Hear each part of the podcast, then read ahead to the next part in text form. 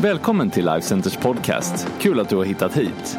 Du ska nu få lyssna på en predikan från en av våra gudstjänster. Du är alltid välkommen att besöka Life Center. All information du behöver hittar du på lifecenter.se. kompis en high five och säg att nu är det dags för predikan. Det är mycket high-fivande i kyrkan, men eh, jag fick en sån här härlig kommentar på en av mina eh, små Insta-grejer som jag brukar göra ibland. Eh, från en, en härlig man som, som skrev så här, jag blir alltid så inspirerad och uppmuntrad över att du är alltid så inspirerande och uppmuntrande. Och då tänkte jag så här, ja men det är ju skönt, en gammal sån här ungdom som jag hade en gång i tiden för länge sedan. Eh, det var, nästan som en, det var nästan som en dansbandslåt, en gång som hände för länge sedan. Det, va, förlåt? Anders Junhammar hette han och eh, var en av de där 15-åringarna som jag hittade eh, i ett bostadsområde 1987. Nu är han betydligt äldre. Men det är skönt att han fortfarande kommer ihåg sin ungdomspastor, eller hur? Hörni, vi är i kyrkan idag för att eh, eh, möta varandra, möta Gud och möta det, det, det ord som han har för oss. Och eh, jag ska predika om vårt uppdrag. Eh, Tapio var inne på det här idag. Och eh, innan jag gör det så, så bara liksom lite kort stryka under det här. Jimmy Dowds som kommer hit på påsken, det är en sån här gammal kompis till den här kyrkan, en vän. Eh, varit förkunnare väldigt, väldigt länge, sett mycket av genombrott, sett mycket av vad Gud gör runt omkring vår värld. Men framförallt haft ett inflytande i vår församling när det gäller att få loss eh, människor i, kan man säga, i situationer där man upplevt liksom att livet har låst fast sig. Han har ett väldigt starkt, sån här, man skulle säga ett stort pappahjärta för människor. Och eh, Eh, har du kompisar, har du vänner som, som kanske har en tro på Gud, men någonstans har kört fast liksom lite i det här livet med Gud, där man antingen ser tillbaka och tänker att, att eh, ja, det var bättre förr, men kan Gud verkligen göra någonting idag? Plocka med dem på fredagen eller på, på söndagens gudstjänster. Och, och kom med en förväntan över att Gud faktiskt vill föra människor hem till sig. Och att han har faktiskt en, ett, ett svar på det som är människors längtan.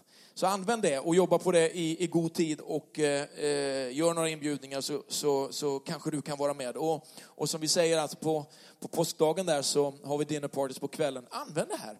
Eh, eh det kanske är påskafton som du har en fest med familjen eller kompisar. Använd det och, och bjud med dig människor in i ditt liv eh, och vittna om det som du har upplevt med Gud.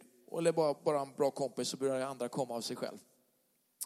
Ehm, idag är det sån här tionde söndag. Eller hur? Har ni betalat det? Jag använder bankgiro till det. Jag vill bara säga att jag kanske står där för min skull, Tapio. För jag, jag använder bankgirot när jag betalar mina räkningar. Hur många använder bankgirot när ni betalar era räkningar här? Ska vi se. Tapio, jag vill bara att du tittar nu här på alla händerna här. Här är förklaringen varför det står bankgiro där framme. Hur många använder Swish dagligen eller åtminstone varje månad? Det är orsaken Tapio, att du inte har helt fel. Du har nästan helt rätt. Hörrni, vi vill ha alla vägar. Vi har en sån här kollektomat ute eh, på kyrktorget nu som vi betalar lite grejer med ibland. Vet ni hur mycket som brukar komma in där nu till alla de, våra tionden? Så mycket. Allt förändras. Men Swish, det har ju liksom ansvar för nästan, jag tror att det är, det är mycket är det. Det är över hälften. Nästan 80 procent av allt det som är våra kollekt kommer in via Swish idag. Förändring förändring.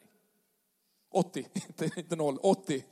Eh, så allt förändras och det gäller liksom att hänga med i det här. Eh, och att, att följa, följa det som är liksom våra, våra förändringar i tiden. Men det finns vissa saker som står fast. Och därför så vill vi tala om det som är vårt uppdrag idag. Är det okej? Okay? Annars så kommer jag göra det i alla fall. Eh, det handlar om att koppla människor till uppdraget. Och, och har, vi, har, vi har satt ett tema på den här serien som heter The Mission. Eh, som betyder uppdraget på, på engelska. Och det är fyra ord som jag har berört och, och vill beröra under några söndagar. Dels är det ordet reach. För att förklara då vad vårt uppdrag är. Tapio nämnde ju en formulering, en mening här som handlar om att, att, eh, att, att utvecklas i liv och tjänst, att, att presentera Jesus för våra vänner. Och det är, det är liksom en, en mjukare beskrivning av det. Men det finns några nyckelord som, är, som vi då hänger upp detta på. Det ena är reach, att vi vill nå ut. Jesus kallar oss att nå den här världen eh, med evangeliet, ända till jordens yttersta gräns. Vi ska reach out. Va? Eh, idag ska vi tala om connect. Det det andra ordet, att vi behöver koppla människor in i gemenskapen med Jesus, men också in i uppdraget. Sen eh, någon söndag framöver så ska vi tala om worship, alltså att vi gör allt det vi gör utifrån en tillbedjan till Gud. Vi, vi, vi, vi gör inte bara det här för att vi tycker det är kul eller bara för att det liksom känns rätt, utan det är faktiskt en tillbedjan, eh, det liv vi lever. Och så ska vi också tala om till sist det som handlar om att serve, att tjäna Gud. Eh, hur tjänar man Gud på bästa sätt och vad betyder det att vara en tjänare i våran tid? Vi deklarerar på vår visionssöndag ett mäktigt tema för det här året som, som, som hette Unstoppable Faith. Alltså att vi har en tro som inte kan stoppas. Men många gånger upplever vi att vi fastnar i våra liv. Vad är det då för tro som övervinner? Vad är det för tro som, eh, som bryter igenom? Ja, Bibeln säger att det är eran tro, säger den.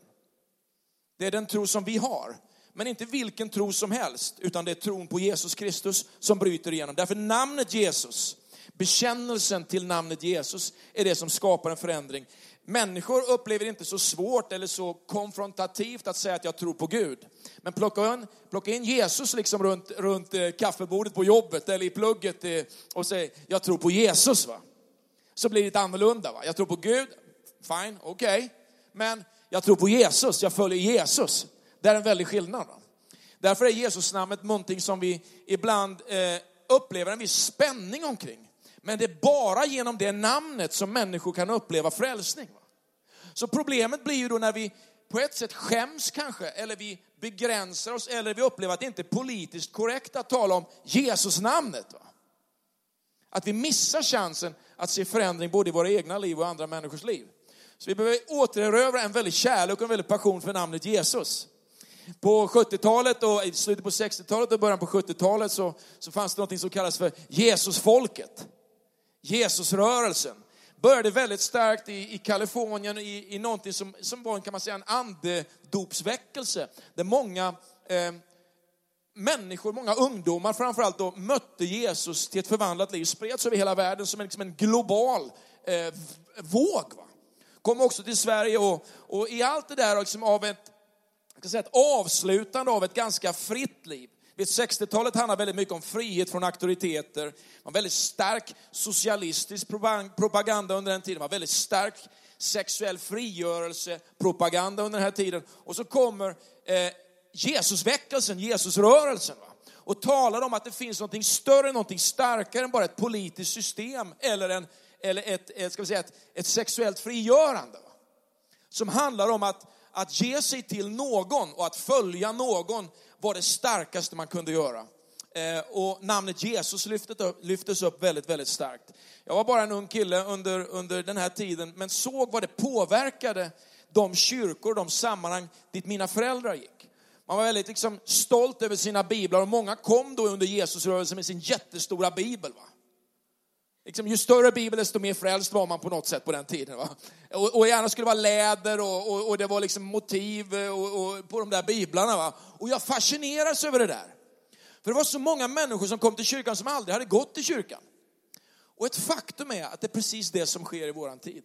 Det är väldigt många människor som kommer till kyrkan som aldrig haft liksom någon frireligiös eller någon kyrklig bakgrund. Men man kommer till kyrkan och så hittar man Jesus. Va? Låt oss vara stolta över Jesus och vem Jesus är.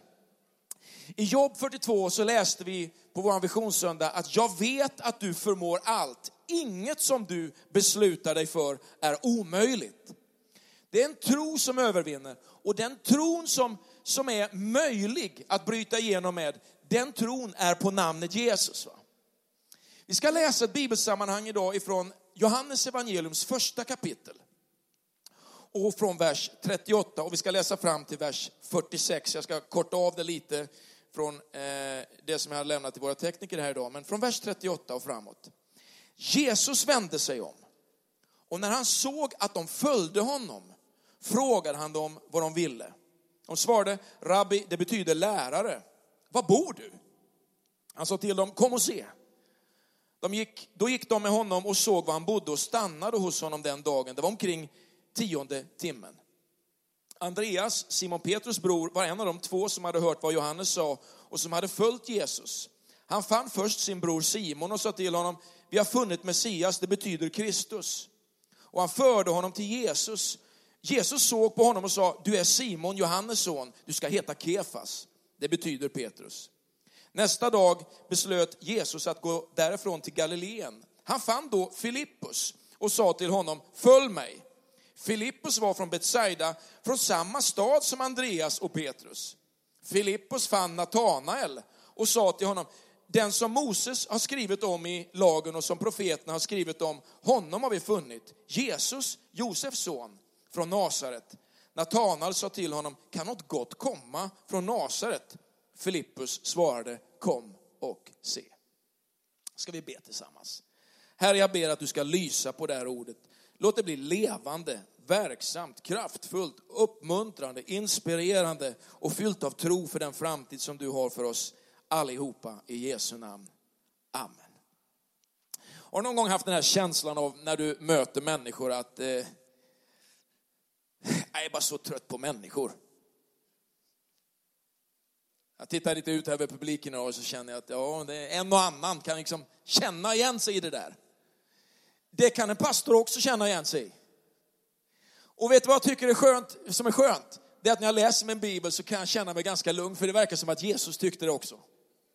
Ibland drog Jesus sig undan, för han tyckte liksom, det är lite väl mycket nu. Alla packar på, alla har frågor, alla har problem, alla har funderingar, alla vill veta, är du den, är du den, hur ska det bli, när ska du, alltså, när ska du upprätta riket? Alltså, hur blir det med den, hur blir det med den? Och, och, och Jesus han bara, han drar sig undan ibland. Och så möter han ibland sina egna lärjungar och så säger han så här, oh, andas han ut, fattar ni ännu ingenting? Det verkar som att du och jag, vi är inte ensamma i den här funderingen ibland över att det kan bli too much. Men när det funkar, va? när vi känner att det finns energi, finns kraft, finns ett flow i våra liv, då, då längtar vi bara liksom att möta människor. Va? Eller hur? Tänk att berätta om allt det här som vi, vi har varit med om eller som vi har upplevt när man varit med om någonting spännande. Va?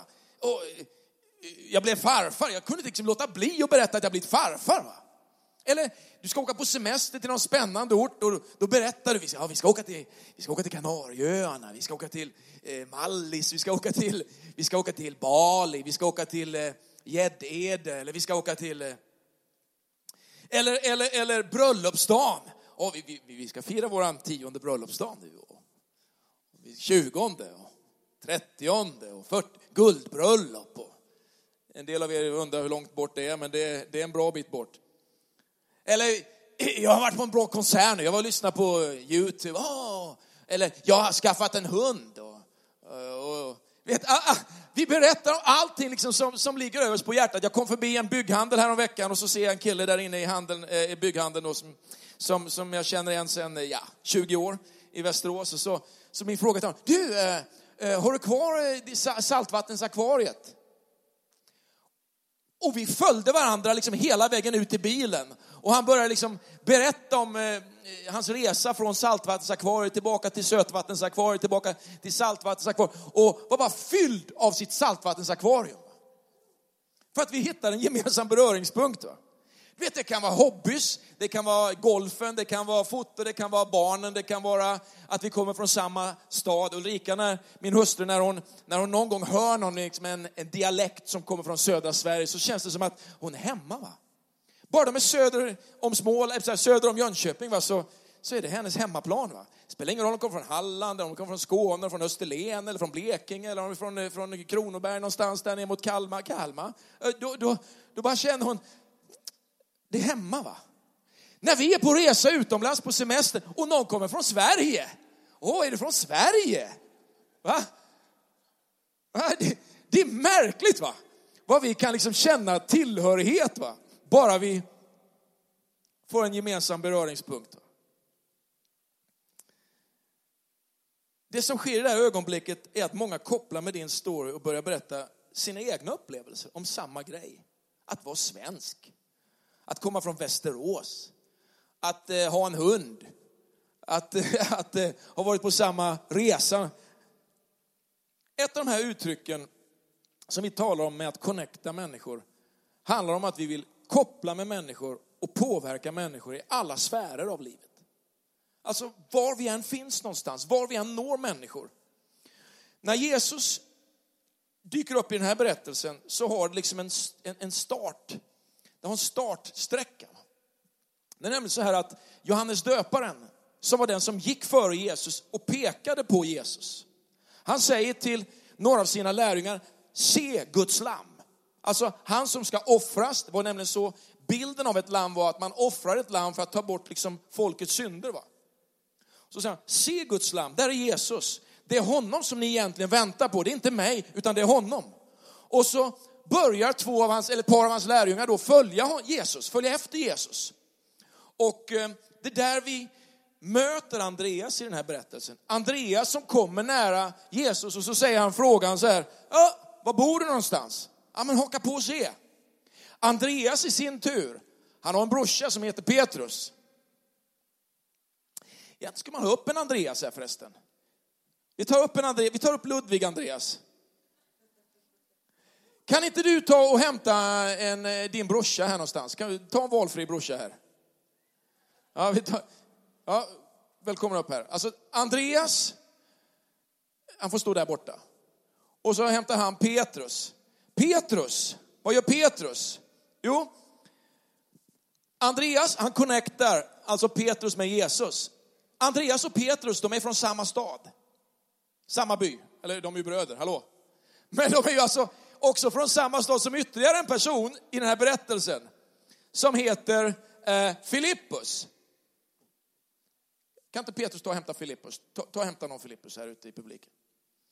De är alltså ifrån en, en by som heter Betsaida. De här killarna är troligtvis ganska mycket i samma ålder. De har gått på samma plugg, de har liksom busat eh, med samma eh, herdar, där de, har, eh, de har, eh, har busringt på dörrar, knackat på och sprungit iväg. Eh, och plötsligt då så, så finns den här eh, Filippus med i den här berättelsen. Filippus, å andra sidan då, han, han connectar ytterligare en person som heter Natanael. Bring Nathaniel. Han har en liten annan dialekt ifrån Betsaida. Han är från, han är från, han är från utdelarna av, eh, av Betsaida och han hämtar uh, Nathaniel, Nathan, Natasha. Han hämtar Natasha ifrån uh, och för honom till Jesus. Va? Jesus möter Natasha, Nathaniel, och så säger, åh, oh, där är en sann israelit. Den som verkligen har med Gud att göra. Och så säger Natanael, Natasha till Jesus, hur vet du det? Och så talar Jesus profetiskt in i Natanaels liv. Jag såg dig redan när du satt där borta. Jag såg dig, jag vet vad ditt liv handlar om, jag vet, jag vet vem du är. Och så förstår Natanael, wow, det är något speciellt med Jesus. Det här är alltså resultatet av att en Johannes, döparen, pekar på en Andreas, som pekar på en Petrus, som pekar på en Filippus, som pekar på en Natanael, va? som pekar på Jesus. Ska vi ge våra vänner en stor applåd? Den här relationskedjan är vad min predikan handlar om idag och vad vårt uppdrag handlar om. Många gånger så har vi komplicerat allt det här som har med evangelisation, att nå människor med budskapet om Jesus till teknik, eller till former, eller till tider, eller till modeller eller stilar och missat det enkla sättet, det som handlar om vad som kopplar ihop människor med varandra.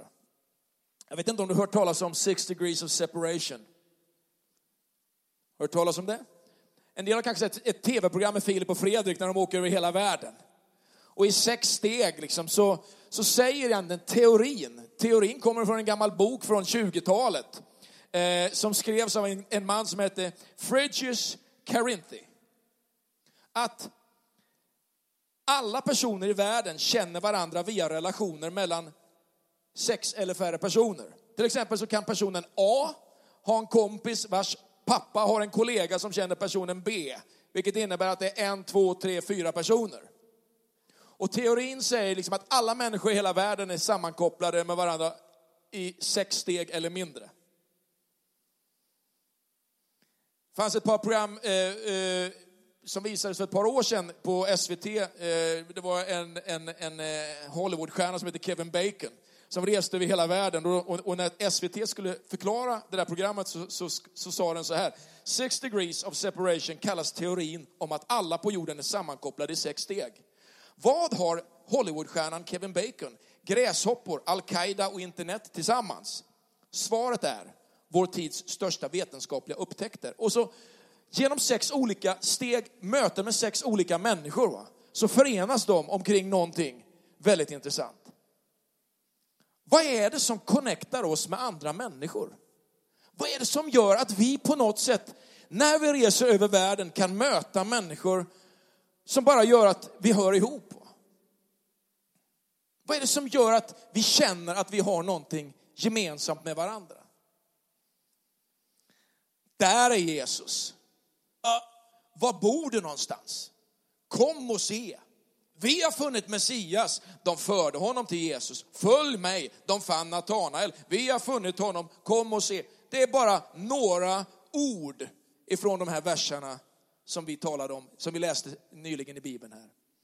Känner du pulsen och känner du, kan du smaka liksom på entusiasmen i de här orden?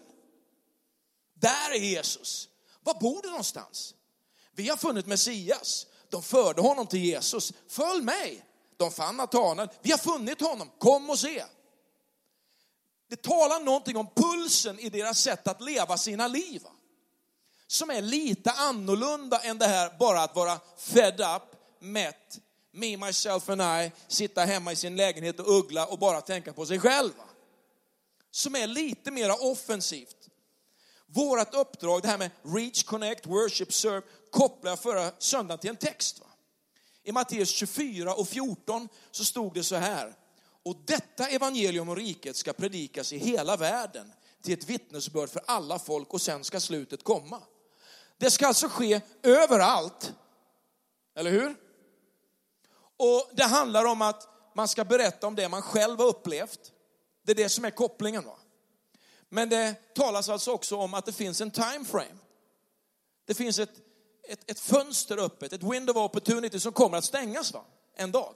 Vilket gör att jag som kristen har en agenda med mitt liv och det är att berätta om den här Jesus så, så, så, så länge jag lever tills dess att Jesus Kristus kommer.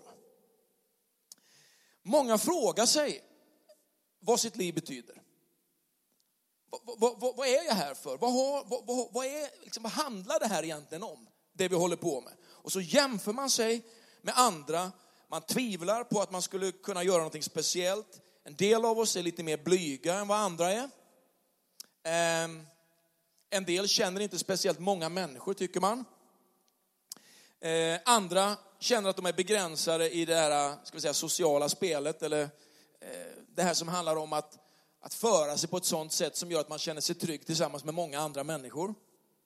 Och man funderar då på hur man ska kunna göra någon skillnad med den typen av självbilder, den typen av begränsningar som man, man brottas med. Om man tittar på den här mannen Andreas i den här texten så, så tror jag vi kan hitta en väg. Vi ser ju här när vi läste den här texten att Andreas var Petrus bror. Det är liksom en identitet. Va? Jag är brorsa med, jag känner, ja vi har vuxit upp tillsammans. Vi ser också att Andreas är lite annorlunda än Petrus. Petrus är liksom lite mera scenexhibitionisten. Va?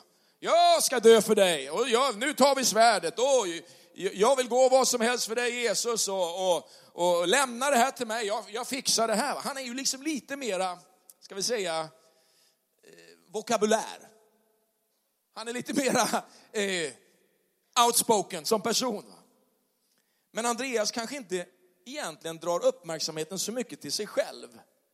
Men vilken själavinnare han är. Vilken otrolig relator, vilken otrolig kontaktskapande människa han är. Han var en sån här människa som öppnade en väg för verklig förändring i andra människors liv. Och jag tänker många gånger på det här när vi ser på varandra, när vi tänker på varandra, att en del människor de, de kanske är liksom lite sådär, ni vet extroverta i sin personlighet och andra kanske är lite mer slutna på ett sätt. Men låt oss inte bedöma varandra utifrån sådana ytliga aspekter, utan låt oss se på varandras stora möjligheter och stora tillgångar. Vet, Johannes evangelium introducerar Andreas för oss som en lärjunge till Johannes döparen. Han väntade på Messias. Han hade en längtan efter att Gud skulle göra någonting. Och när Johannes döparen pekar på Jesus och säger liksom, där är Guds lamm, va? då börjar han följa Jesus. Eh, han är inte bara liksom, bara ord, va? utan han är ju action i sitt liv. Och han är hungrig på något djupare. Tre gånger i Johannes evangelium så möter vi Andreas när han kopplar, connectar människor med Jesus. Den första gången, det är ju den här när vi möter Jesus och Petrus. Jag tror vi får upp några exempel här. Han för sin bror Simon Petrus till Jesus, det var det vi läste om här. Det finns en annan berättelse i Johannes sjätte kapitel, när det är en så stor folkskara som har följt Jesus så pass långt liksom utifrån allt av Burger King och restauranger, va, att folk börjar bli hungriga. Va? Och Jesus säger, ja, men eh, ge ni dem någonting att äta. Och då i det här sammanhanget så dyker Andreas upp igen med en ung kille som har fem bröd och två fiskar. Och Andreas säger, ja det, det, det, det är ju inte mycket va. Han, och han är ju han är jätteintelligent. Men alltså, han, han har liksom inte kopplat ihop trosaspekten med, med liksom det lilla. Va? Eh, men han, han har förstått att den här killen har någonting. Så han för en ung kille till Jesus som har fem bröd och två fiskar. Det är andra gången han connectar människor väldigt, väldigt tydligt med Jesus här. Eh, andra bibelsammanhanget. Det tredje är när en del grekiska troende kommer till Jerusalem för att tillbe, och så söker de upp eh, några av Jesu lärjungar och så säger vi, vi, vi vill komma i kontakt med Jesus. Och Andreas, han för de här grekerna till Jesus. Och jag har tänkt på det här, vad det lär oss om våra liv och hur och hur, på vilket sätt som du och jag ska föra människor till Jesus.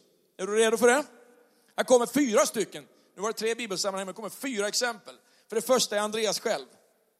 Du behöver alltså ha en personlig kontakt och koppling med Jesus.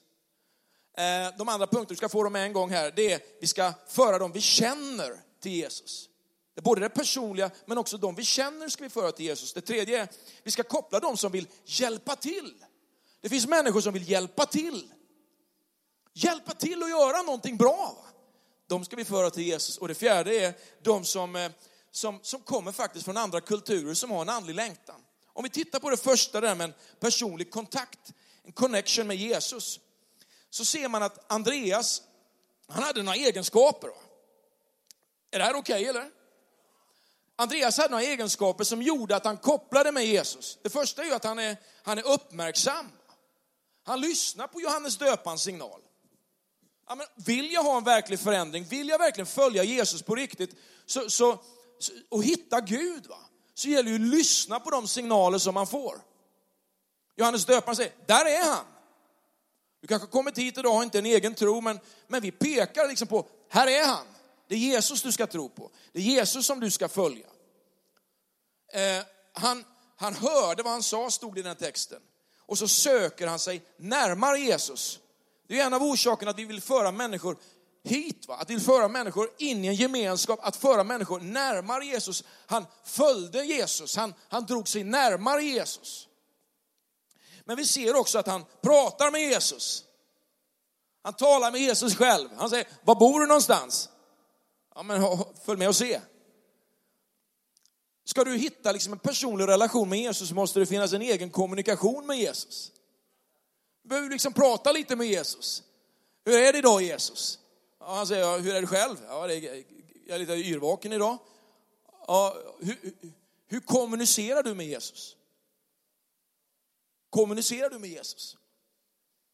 Och så ser vi också att han hängde på det Jesus inbjöd honom till utan en alltför jättestor liksom, analys. Va? Jesus säger, kom och se. Ja, men eh, vilken väg ska du ta? Eh, tar det lång tid? Är vi framme snart? Nej, alltså, det, det, finns ingenting av det i den här texten. Men vi vill hemskt gärna liksom ha hela roadmappen. Va? När Jesus säger bara, eh, följ med. Var bor du någonstans? Vad vill du göra? Vem är du? Vad, har du med? Liksom, vad, vad, vad, vad kan ditt liv betyda för mig? Jesus säger, kom och se. Du kanske skulle behöva gå den resan med Jesus lite mera i tro än i åskådning. Va? Ja, du vet inte vad som är runt hörnet. Ja, men du ska ha all förklaring. Hela vårt intellektuella samhälle, hela vårt liksom, självkritiska samhälle, jag skulle säga samhällskritiska samhälle. Allting liksom vi nagelfar, va? som att hela, hela våra liv är en ständig, liksom, ett ständigt tv-program. Va? Kalla fakta. Va? Är du med? Men, men Jesus utmanar oss, haka på och se. Vad, vad, kan det här leda till? Ja, men jag vet inte om jag tror, men haka på och se. Jag vet inte vad Jesus kan göra, men haka på och se. Jag vet inte liksom om jag är någon större predikant eller troshjälte. Liksom. Nej, haka på och se. Kan du verkligen göra någonting? Ja, men haka på och se. Haka på och se. Håll inte på att dissekera ihjäl allt. Man kan ju dissekera ihjäl ett förhållande också. Jag har suttit i så många samtal liksom med, med både mig själv och min fru och andra människor där man nästan dissekerar sönder sin relation. Va? Man ska veta allt och man ska ha reda på allt och man ska, vi petar i allt. Va? Du kan ju peta ihjäl ett förhållande. Du kan peta ihjäl en relation som egentligen bara handlar om att du själv liksom är halv. Va? Det har inte ett dugg med din partner att göra, det har med dig att göra. Det har med ditt liv att göra. Det är inte din partner det är fel på, det är dig det är fel på, höll jag på att säga. Den, den, det citatet kan man ju liksom klippa ut den här söndagen och, och, och, och verkligen göra någonting av. Är ni med på, på vad jag säger? Alltså, vi, vi lever ju i relationer allihopa. Men man kan bli så übernervös. Hur är det nu? Vad har du varit? Ska vi göra? Eh, du borde, du skulle. Alltså, där det blir bara död av alltihopa. Det blir ingen frihet, det blir ingen trygghet, det blir ingen glädje. Låt oss jobba på våra liv. Att du blir hel. Man liksom, som, som två liksom vänner bara bestämmer sig för att jag ska se till att bli hel med Jesus. Amen. Och jag ska se till att bli hel med Jesus. Kanske det finns en större chans att man blir hel ihop.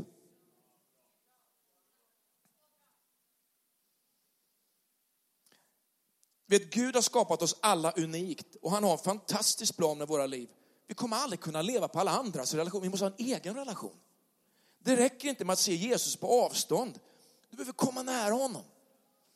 Det andra jag tänkte på här, oj, det kom nära här. Det är att föra dem vi känner till Jesus. Vet, det här med relationen handlar ju, det är ju därför vi pratar så mycket om läs i Bibeln. Va? För att du ska lära känna honom. Men att föra dem vi känner till Jesus, han, han tog ju Petrus här. Johannes döparen kände Andreas. Andreas, han var ju brorsa med Petrus. Petrus, han kände Filippus från hemstaden. Va? Och Filippus, han, han hade lärt känna Natanael. Va? Men fem personer i kedjan som förs till Jesus. Vet det mest naturliga i våra liv, det är att dela våran tro. Och det bästa vi har med våra vänner, liksom det bästa vi har med dem vi känner. Alltså här finns ju familjen, här finns kollegorna, här finns kompisarna liksom i hockeylaget eller fotbollslaget eller i golfklubben eller i makraméföreningen. I, alltså, här finns de va. Här finns de. Vi, vi älskar våra connectgrupper, jag bara älskar connectgrupper. Men vet, jag älskar också liksom eh, eh, intressegrupper. Va? Bara dra igång liksom grupper. Va? Alltså, spela golf en onsdagkväll, bjud in alla kompisarna och så se till att prata liksom om Jesus lite. Va? Det finns så mycket i det här naturliga att föra människor vi känner till Jesus. Där det inte liksom per automatik är bara en massa liksom långa sträckor, liksom att man ska förklara vem man är, för de vet vem du är. Va? De har gått i plugget med dig nu i nio år. Kanske liksom, är det dags va? att liksom ta det stora steget och säga Jesus. Eller, eller ska du haka på till kyrkan en gång? För troligtvis vet de ju redan att du går hit, för de undrar, de har ju frågat dig i, i åtminstone de sista tre åren på högstadiet, vad, vad, vad gjorde du i helgen? Eh, ja, nej men eh, vi, Eh, vi har varit liksom på ungdomssamling. Ja, vad är det för någonting då?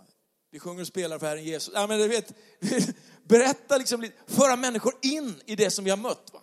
Det är inte så svårt med dem man känner. Det tredje jag ser här, det är ju att vi ska koppla de som vill hjälpa till med Jesus. Den här grabben med fem bröd och, och två fiskar, han är en ganska skön kille. Va? Kommer liksom en liten kille, eller vi vet ju inte hur liten han var. Troligtvis var det så att de här grabbarna, Andreas, Filippus och Natanael, alla de här lärjungarna, de kanske var någonstans mellan 18 och 20 år. Petrus var lite äldre för han hade ju en svärmor så troligtvis var han ju gift. Va? Ingen reagerar.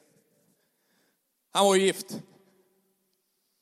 Utan utan de här liksom, unga killarna, kanske den här killen han var, kanske var 12 år, 15 år. Jag vet inte. Kanske var 8 år. Men man såg på honom på ett annat sätt. Och någonstans här så, så verkar det som att Bibeln också säger det här med att med ålder har ingenting med, med, med vår förmåga att tjäna Gud. Va? Ålder har ingenting att göra med liksom om vi kan hjälpa till. Va? Utan vi kan alla hjälpa till. Jag har mött så mycket passion och vilja bland unga människor. Va? Det som jag kanske ibland saknat i andra generationer. Va? Därför att man är, som en tonåring är man ju bara all in. Va? Du vet, man tar ju hissen upp va? till Åreskutans topp. Va? För att det är lössnö. Det har dumpat hela natten. Men bara någon säger liksom någonting om finnen på näsan så tar man ju hissen hela vägen ner till källan. Va? Och är du 13 år så krävs det ju liksom fyra påsar chips för att man kommer upp igen. Men det går ganska fort om det är grillchips, dillchips och, och en valfri liksom cola till då. Det går fort va. Men det säger ju också någonting om hjärtats liksom passion. Va? Den, yes, kom med, vi kör nu. Händer det någonting ikväll eller? Liksom, eh, ja men det är klart jag ska vara med. Ska vi åka? Ja, vi åker. Kommer ihåg så många sådana tillfällen när jag växte upp själv, var tonåring. Vad gör vi ikväll? Jag har ingen aning. Vi drar till Malmö. Ja, men det är 22 mil dit ner och klockan är 11. Men det, vad gör det då? Åkte ner till Malmö, köpte en hamburgare, var snöstorm, åkte hem. Kom hem liksom den där söndag morgon någonstans vid fyra, fem snåret liksom. Men det var kyrka klockan 11 och, och, och jag vet inte om jag kommer ihåg så mycket, jag kommer inte ihåg någonting. Men jag var där i alla fall. För att liksom, det hände någonting. Va? Och jag älskar den här passionen. Va? Hos unga människor som vill vara med och hjälpa till. När jag växte upp så, så hade jag en ungdomspastor som hette Uffe och, och han var så här skön va? för att, för att allting handlar om att hjälpa till. Och hans huvudstrof, den ska jag dra sen när vi ska tala om tjänare, det var alltid, är du en tjänare eller? Och så var det ett frågetecken. Kan man spela på hockeyn där, som jag, jag berättade den storyn tusen gånger, stod på liksom herrtoaletten i Karlskrona hockey där och så skulle man spela. Och så visste man att klasskompisarna stod i klacken. Och så stod man där ovanpå herrdasset för det liksom var en sån här plan yta där, satt upp liksom anläggningen och så, så stod liksom basisten och keyboardkillen med sitt Fender Rhodes där, något gammalt trumset och, och, och, och, så skulle man sjunga då, så var det de här, det var klassikerna från ungdomskörerna. Halleluja, det är skönt att vara Jesu vän. Det var inte så läckert kanske, men man drog till med något, en eh, tuffare låt som, som Roland Utberg hade sjungit som heter eh, Jag sjunger om Jesus. Jag sjunger om Jesus som gör att livet känns så skönt. Du, du, du, du, du, du. Det är jättehäftigt fill där. Men vet, vi sjöng de där låtarna va. Och jag vet en gång jag skulle dra mig ur den här grejen. För jag tyckte det var lite pinsamt va. Och så kom den här kommentaren. Är du en tjänare eller? Och jag kände mest tjänare. Men, och det bara gnagde i mig. Liksom så här, va? Är jag en tjänare eller vad är jag? Var det jag själv nu som, inte, som tyckte det var lite pinsamt? Eller ah, men jag får väl lida lite för Jesus och ställa mig liksom på herrtoalettets tak där och, och, och, och, och verkligen liksom gå ut på missionsfältet. Va? Det var liksom mitt eh, makedoniska rop. Va? Ni ser helt chockade ut idag. Det är klart att vara en kristen i Nordkorea eller Kina är tuffare. Va? Men för mig var det riktigt. Va? Och jag fattade ett beslut. För jag ville hjälpa till och göra någonting. Jag älskar det här liksom att tjäna och göra någonting. Vet att vara ung är inget hinder. Det lilla vi har i Guds händer, det kan ju skapa mirakel. Vet, se inte ner på det lilla. Vet, det är därför jag ger tionde. Va? För att mitt lilla kan bli något stort. Va? På tisdag så ska vi tala om hur den här kyrkan tog ett steg liksom och ökade sitt insamlande med långt över 20 procent det senaste året. Varför? För att många gav sitt lilla kanske var mycket för dig och för mig också på ett sätt. Men det, tillsammans så blir det något enormt. Va? Vet, du behöver ingen titel för att hjälpa till. Har du en vilja kan Gud använda dig. Vet, tjänande är vägen att lära känna också vad Guds rike är. Att vara med i ett team, att göra någonting. Vet, det är därför jag tror att liksom vårt sätt att se på ett team, det ska vara öppet för människor att vara med. Va? Man kanske inte ens känner Jesus än. Men genom de människor som känner Jesus så kan vara med och hjälpa till, för man har åtminstone ett intresse av att lära känna mer. Till sist så ser vi i den här texten att man öppnar upp för nya kulturer att connecta med Jesus. Det fanns några greker här som längtade efter att lära känna vem Jesus var. hade liksom tagit fram något exempel här idag så kanske förutom de här personerna hade varit den där lilla killen då med de fem bröden och två fiskar. Men det kanske varit några av våra vänner från, från eh, Afghanistan som har blivit frälsta och döpta här. För att de ville lära känna vem Jesus var. Man visste att Filippus hade med Jesus att göra. Det fanns en personlig kontakt. Det fanns någon man kände. Det fanns någon som ville hjälpa till. Jag ska be att vårt team kommer fram här. Gör inte ditt liv för litet. Förringa inte det du har till någonting liksom som, som det inte är. Utan låt Gud få använda det på bästa sätt. Se till att connecta med människor på ett härligt sätt. Amen. Ska vi ställa oss upp allesammans?